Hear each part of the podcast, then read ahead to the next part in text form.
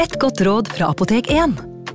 Nå er snart pollensesongen i gang, og et godt råd til deg som sliter med pollenallergi, er å begynne behandlingen i god tid før allergisesongen starter. Da får du nemlig enda bedre effekt av legemidlene, og så blir ikke våren din helt ødelagt. Kom innom og få råd på ditt nærmeste Apotek 1, eller chat med oss på apotek1.no. Apotek 1 vår kunnskap, din trygghet.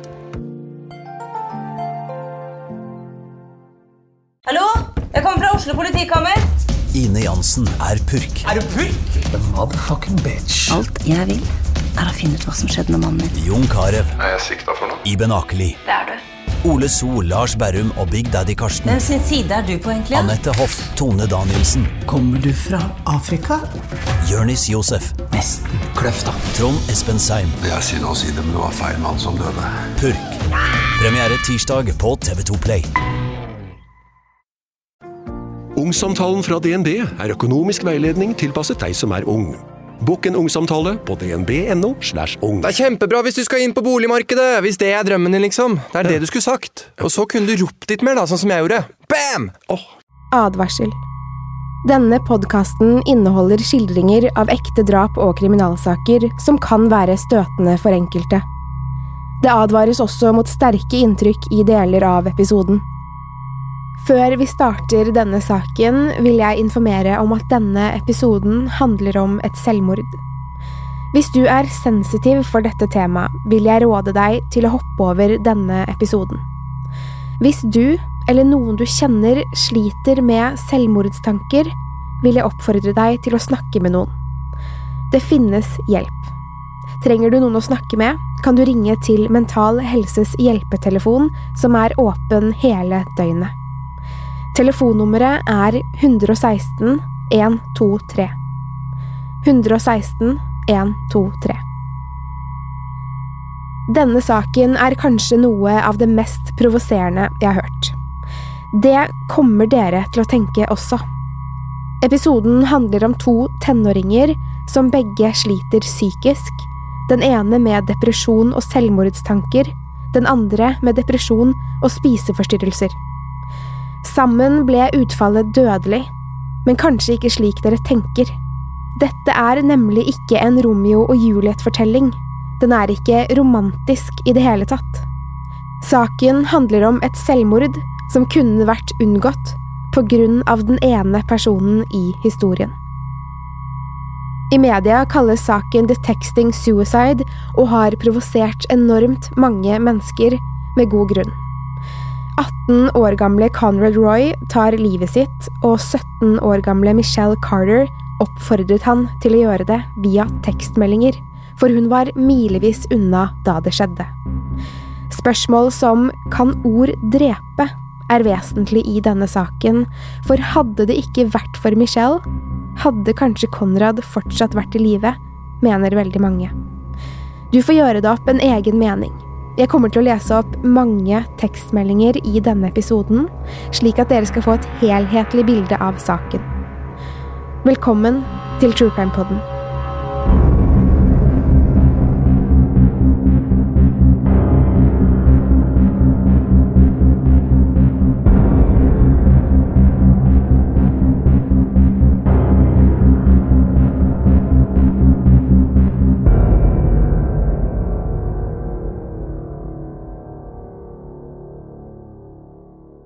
Conrad Roy ble født i september 1995 og vokste opp i Massachusetts i USA. Han bodde med mamma, pappa og to yngre søstre. Livet var bra. Conrad likte seg på skolen og hadde flere venner. Han var litt sjenert, men foreldrene trodde kanskje han ville vokse det av seg. Men Conrad gjorde ikke det. Han ble med tiden mer innesluttet og trakk seg unna sosiale sammenkomster med klassekamerater. Da han kom i tenårene, viste han tegn til depresjon. Han ville helst sitte på rommet sitt, eller bare ligge i sengen og sove. I 2011 skilte Conrads foreldre seg, og han og søstrene skulle bo mest hos moren og tilbringe annenhver helg hos faren, som kjøpte seg et hus like ved dem. Faren jobbet i familiebedriften, et firma med flere redningsbåter som rykket ut hvis noen på sjøen hadde problemer eller var i fare. Conrads pappa hadde en drøm om at sønnen en dag skulle ta over bedriften.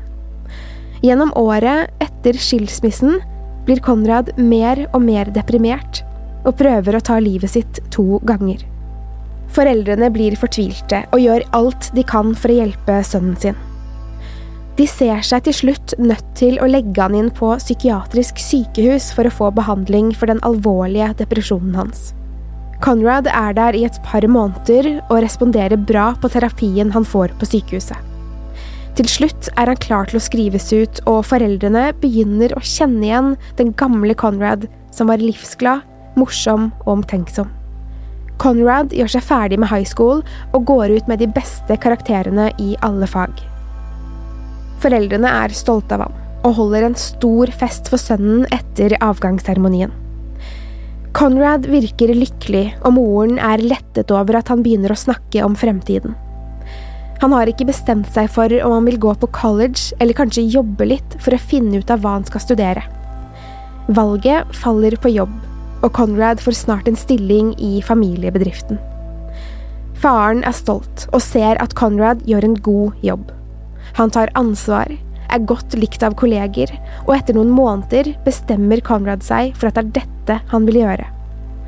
Han tar eksamen og blir kaptein på en av båtene. Conrads liv går på skinner. Han har en god og trygg jobb og trives hjemme. Han treffer ikke så mange venner, men moren hans tenker at han sikkert er sliten etter jobb, og at det er derfor han sover så mye. Hun vet ikke at Conrads depresjon er kommet tilbake. For fullt. Conrad er veldig deprimert. Han orker egentlig ikke gjøre noen ting, men presser seg til å stå opp om morgenen for å gå på jobb. For kollegene er Conrad helt vanlig. Han vitser og smiler med alle slik han pleier. Conrad tok opp videoer av seg selv i denne perioden, hvor han snakket mye om hva han følte og hvorfor han var deprimert. Videoene ble ikke funnet før han var død. I videoene sier han at han lenge har tenkt på å avslutte livet, men diskuterer uttalelsene reflektert med seg selv. Han spør seg selv hvorfor han ønsker det, han som egentlig har det så fint. Det vanskeligste for meg er å være helt komfortabel med meg selv, sier han og legger til, jeg føler jeg er skrudd sammen annerledes enn alle andre. På en familieferie til Florida i 2012 møter Conrad ett år yngre Michelle Carter. Hun var også fra Massachusetts og ferierte med familien, akkurat som Conrad. De to tenåringene begynner å tekste hverandre. Michelle Carter er søt. Michelle Carter er en søt, sprudlende jente. Hun spilte softball og var tilsynelatende godt likt av venner. Michelle slet, akkurat som Conrad, med depresjon. Hun hadde lenge hatt spiseforstyrrelser og gikk på antidepressive medisiner. Michelle var på et tidspunkt også innlagt på sykehuset for å få bukt med spiseforstyrrelsen sin, og det så ut til å ha hjulpet henne. Michelle og Conrad tekster hele tiden. De skriver til hverandre hele døgnet. En slags romanse bygges opp, og de deler følelsene sine med hverandre. Conrads foreldre legger merke til all tekstingen, men tror han skriver med en fra skolen, og aner ikke hvem Michelle er, for Conrad forteller dem aldri om henne. De to møtes ansikt til ansikt bare to ganger, men kjenner hverandre likevel godt. De har samme bakgrunn med depresjon, og snakker mye om det å være deprimert, og hvordan de skal kunne hjelpe hverandre. Konrad forteller Michelle om da han forsøkte å ta livet sitt et par år tidligere, da han tok en overdose med smertestillende. En venninne hadde forstått hva han holdt på med, og ringte politiet. Jeg skulle ønske jeg ikke overlevde, skrev Conrad. Samtalene deres handler mer og mer om mørke tanker, og Conrad skriver at alt han vil, er å dø. Han sender henne en selfie med teksten Hvis du bare visste hva som foregår i hodet mitt. Vil du dø? spør Michelle. Ja, svarer Conrad. Michelle skriver Jeg vet at du sier du vil dø hele tiden, men skal du virkelig gjøre det? Ja, om jeg finner en måte som er helt sikker, skriver Conrad tilbake. De neste månedene handler samtalene deres nesten bare om depresjon og at Conrad vil dø. Michelle skriver Du må ikke dø, du har så mye å leve for. Under våren og sommeren 2014 gjør Conrad noen Google-søk på cyanid, death by cop og enkle måter å skaffe gift på. Han sender Michelle et bilde av en rifle og en renneløkke. Han skriver også Vi burde være Romeo og Juliet på slutten av den filmen. Michelle svarer ha-ha, vil gjerne være din Juliet. Vet du hva som skjer i den filmen? Ja, jeg vet det, Conrad, men vi skal ikke dø, seriøst. Conrad. Jeg kommer til å hate deg hvis du sier dette til noen, forstår du? Michelle. Jeg lover å ikke si det til noen. Hvis jeg hadde gjort det, hadde du måttet legges inn på sykehus, og det vet jeg at du ikke vil. Conrad. Skulle ønske jeg hadde en pistol. Michelle. Hadde du brukt den da? Conrad. Ja. Familien og kollegene til Conrad merker fortsatt ingenting, for Conrad oppfører seg helt vanlig. Han er fortsatt glad og fornøyd. Den 12. juli 2014 er Conrad sammen med søstrene sine og mammaen på stranden. Han sa ja til å bli med, og virket helt normal. Familien bader og koser seg, og de spiser is. Etter hvert som timene går, sier Conrad at han er varm og vil gå opp og sette seg i bilen. Moren ser han tekster konstant og har ikke villet bade med dem. Istedenfor å krangle med han, lar hun han være. Conrad går opp til bilen og sitter der til de andre har bestemt seg for å reise hjem. De er hjemme i firetiden på ettermiddagen, og Conrad skifter og sier at han skal ut og treffe en venn. Så hyggelig, tenker moren, og spør om han kommer hjem til middag. Jeg vet ikke, jeg tror kanskje ikke det, svarer han.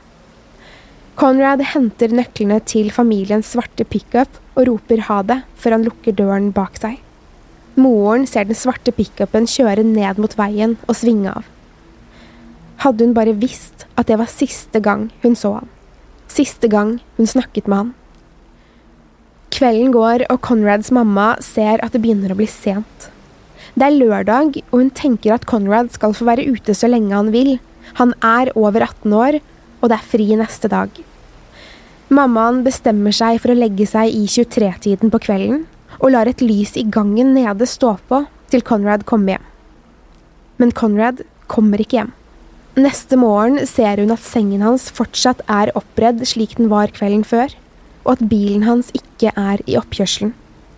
Hun blir bekymret med en gang og ringer eksmannen sin, Conrads far, og spør om sønnen er hos han. Det er han ikke. Hun prøver mobilen til Conrad, men får ikke svar. Hun ringer søsteren sin, som kommer over med en gang. Det er ulikt Conrad å ikke si fra hvor han er. Uansett om han ble sen eller ikke kom hjem, pleide han å sende henne melding. Conrad hadde alltid telefonen i hånden, så det at han ikke svarer, bekymrer henne enda mer. Etter noen timer bestemmer familien seg for å ringe politiet, for noe kjennes alvorlig galt. En politietterforsker får saken med den savnede 18-åringen. Han har vært borti slike saker før, og tenker innledningsvis at gutten sikkert har vært på fest, kanskje drukket og blitt for full til å dra hjem, så han overnattet hos noen men klokken nærmer seg ettermiddag, og gutten burde vel være våken. Etterforskeren tar seg en tur med bilen for å se etter Conrad og den svarte pickupen han kjørte sist han ble sett. Han kjører rundt i ca. en halvtime, så ser han bilen. En svart pickup står parkert på en parkeringsplass ved Kmart, en matbutikk. Han rapporterer at han ser bilen og går ut av sin egen for å ta en titt. Skiltene stemmer. Det er Conrads bil. Etterforskeren går nærmere bilen og ser en ung mann der inne. Han passer til Conrads beskrivelse. Det ser ut som han sover.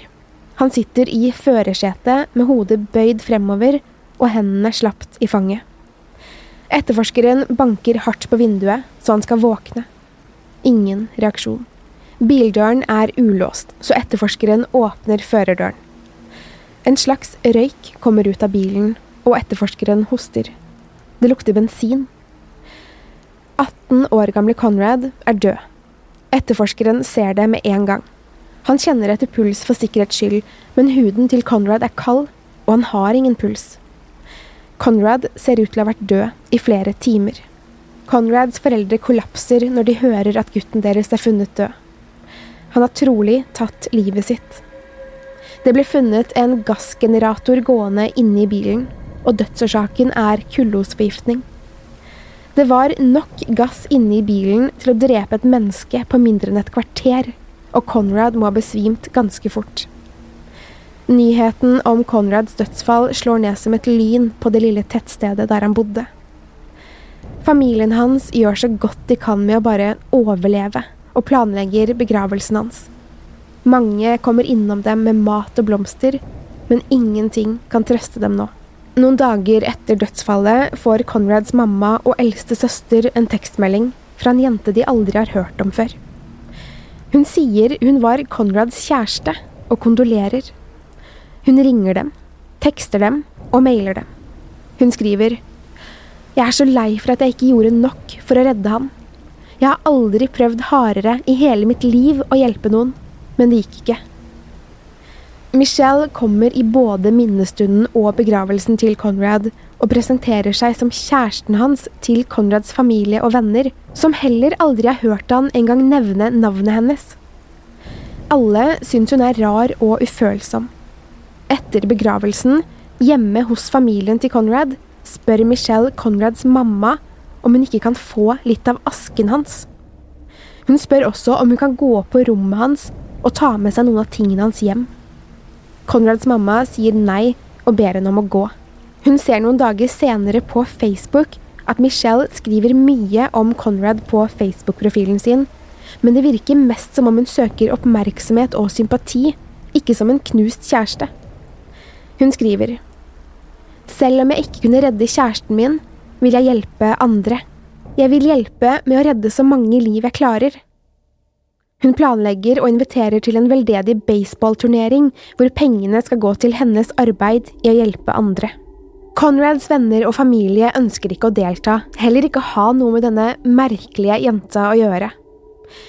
Imens jobber politiet med å avslutte etterforskningen av saken, da det ble fastslått under obduksjonen at Conrad døde av kullosforgiftning, og at det var et selvmord. De har alle eiendelene hans på politistasjonen og skal til å samle dem sammen da de ser på mobiltelefonen hans. Michelle, en jente de ikke vet hvem er, tekster Conrads telefon hele tiden. Hun skriver I dag er det en måned siden du døde. Det var en vanskelig dag for oss alle. Jeg håper du så ned på oss med et smil. Politiet synes meldingene er uvanlige, Hvorfor tekste en person man vet er død? De undersøker nærmere og finner mange meldinger fra denne Michelle. Det går kaldt nedover ryggen på dem når de ser hva Michelle og Conrad har skrevet om. I en melding skriver Michelle Jeg skjønner ikke hvorfor du ikke bare tok overdose igjen, men dra et sted der ingen kan se deg. Du vet jo at det funker. Utallige tekstmeldinger går frem og tilbake mellom Conrad og Michelle, som slike samtaler. Michelle, skal du virkelig gjøre det? Conrad, ja. Michelle, ok, da er det ingen vei tilbake nå. Fra og med 2. juli 2014 kommer det flere og flere slike samtaler. Skal du ikke gjøre det snart? Når skal du gjøre det? En dag da Conrad hadde sagt at det var dagen det skulle skje, backet han ut. Michelle virker sint på han. Michelle. Jeg visste du ikke prøvde hardt nok. Jeg føler meg så dum nå. Conrad. Hvorfor føler du deg dum? Michelle. For du gjorde ingenting, og jeg lettet hjertet mitt og fortalte masse fordi jeg trodde det var siste gangen vi snakket sammen. Jeg trodde virkelig at du ville dø, og at du skulle gjøre det, men nå føler jeg meg lurt og skikkelig dum. Dagen etter skriver Michelle. I kveld? Conrad svarer. Kanskje. Snart.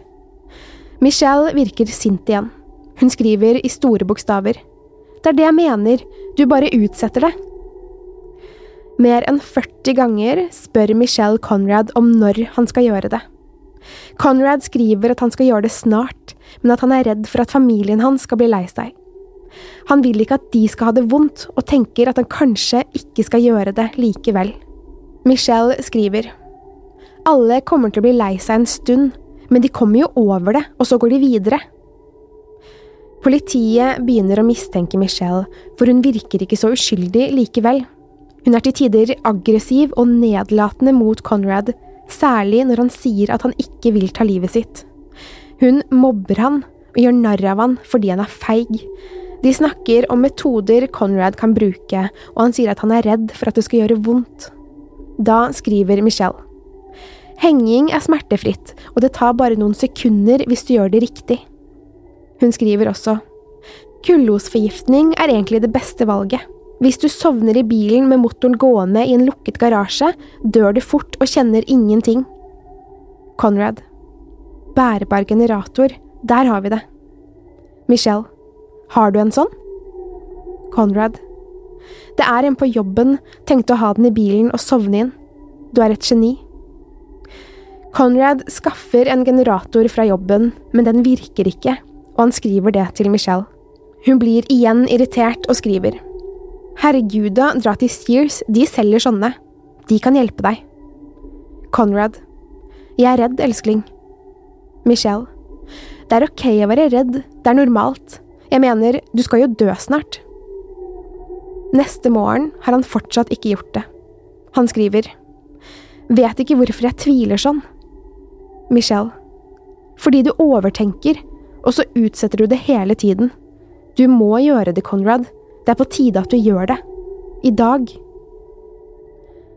Samme ettermiddag som Conrad er på stranden med moren og søstrene, skriver hun. Skal du gjøre det i kveld? Conrad. Ja, i kveld. Michelle. Ok, bra.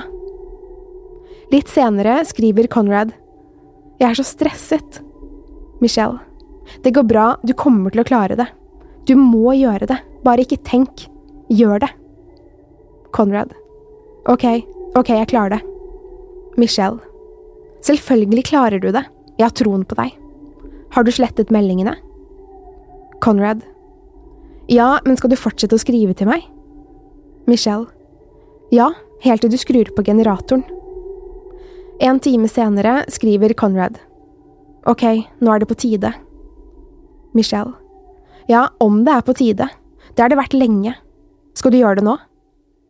Conrad. Jeg vet bare ikke hvordan jeg kan forlate familien min på denne måten. Jeg må si at jeg drar, men jeg vil ikke si hva jeg skal gjøre. Michelle. Ha-ha, bare si at du skal på butikken eller noe, da. Conrad. Ja, men jeg vil at de skal vite at jeg elsker dem, liksom. Michelle. Det skjønner de jo. Du overtenker igjen. Conrad. Jeg vet jeg overtenker det. Jeg har gjort det ganske lenge nå. Michelle. Vet du hva, du må bare gjøre det som du sa du skulle. Ti minutter senere skriver Michelle igjen. Skal du gjøre det nå? Conrad. Har ikke dratt enda, ha-ha. Michelle. Hvorfor? Conrad. Drar nå. Michelle. Ok, du klarer dette. Conrad. Ok, snart er jeg der. Etter dette tar det noen minutter, og Conrad ringer Michelle. De snakker sammen i noen få minutter, så avslutter de samtalen. Michelle tekster noen venninner og en gutt hun dater, og skriver Oh my god, jeg tror en venn av meg nettopp tok livet sitt. Til Conrad skriver hun Please, svar meg. Conrad svarer ikke, for han er død. Jeg er redd, er du ok? Jeg elsker deg, please svar. Conrad Roy, 18 år, sønn storebror, venn, kollega, er død. Han har pustet inn en dødelig mengde kullos og dør alene i bilen. Han fikk aldri sagt ha det til familien sin, for Michelle sa at de ville skjønne hva han skulle om han gjorde det. Men han fikk gjemt unna to selvmordsbrev, ett til familien og ett til Michelle. I brevet til familien skriver han at det ikke er deres feil, og at han elsker dem. Til Michelle skriver han Tusen takk for at du har vært der for meg gjennom dette. Takk for all støtten fra deg. Michelle tas inn til avhør.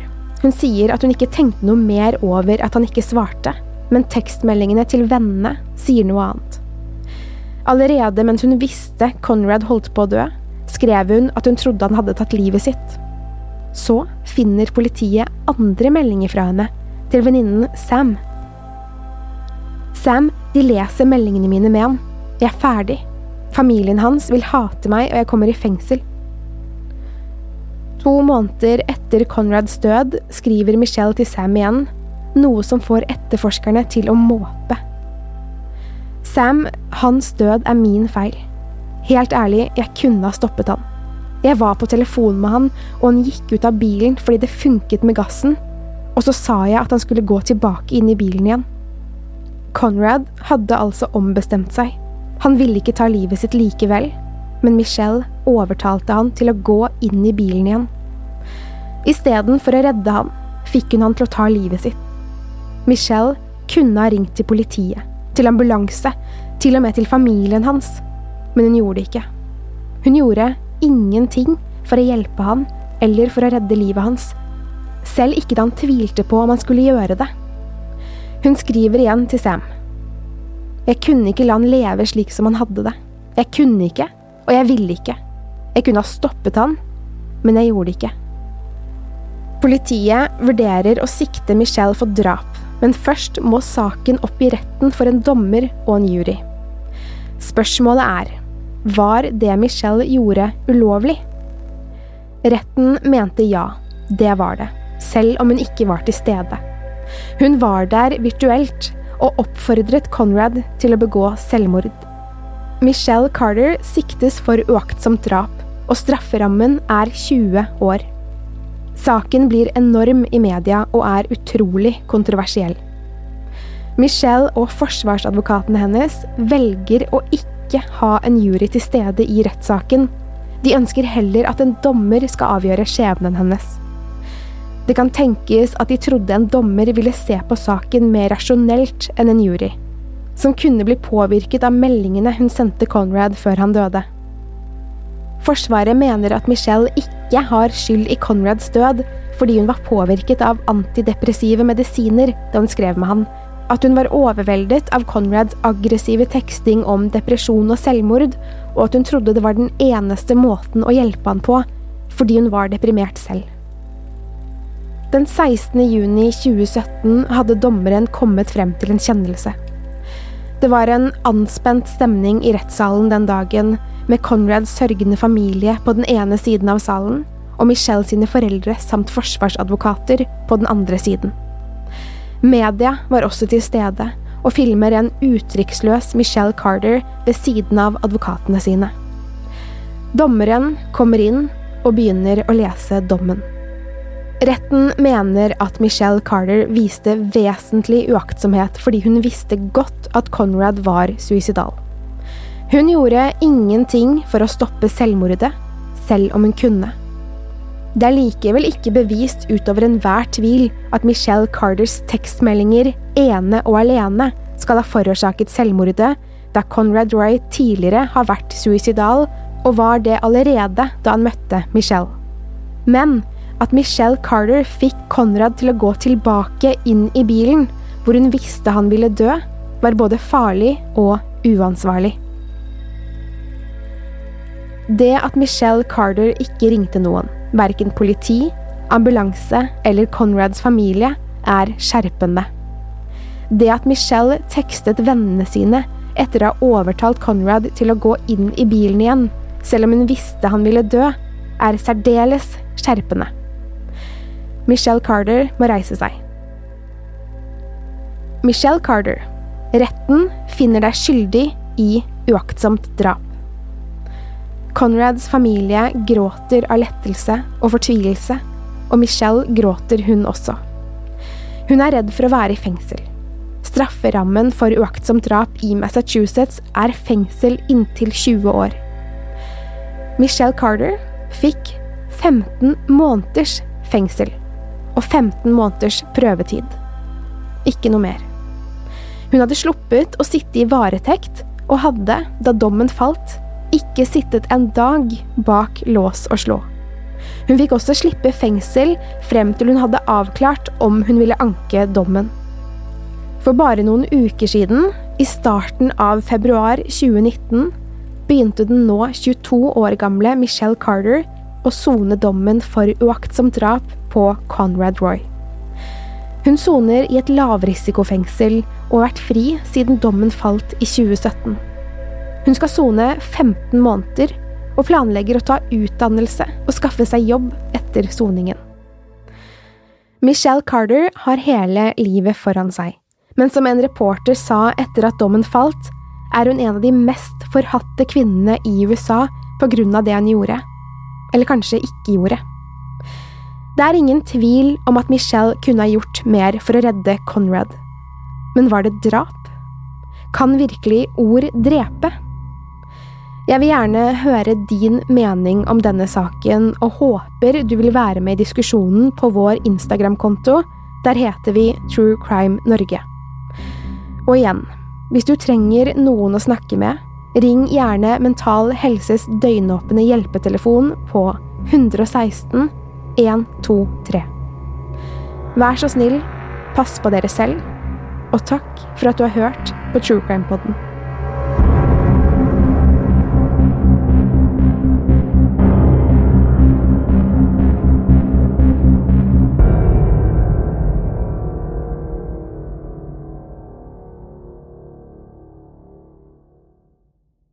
Har du et enkeltpersonforetak eller en liten bedrift? Da er du sikkert lei av å høre meg snakke om hvor enkelt det er med kvitteringer og bilag i fiken, så vi eh, gir oss her, vi. Fordi vi liker enkelt. Fiken superenkelt regnskap. Hei! Takk for at du lytter til True Crime Podden. Skulle du ønske at du kunne høre en ny episode av denne podkasten hver eneste uke? Vel, da er det bare å laste ned podkastappen Untold med en gang.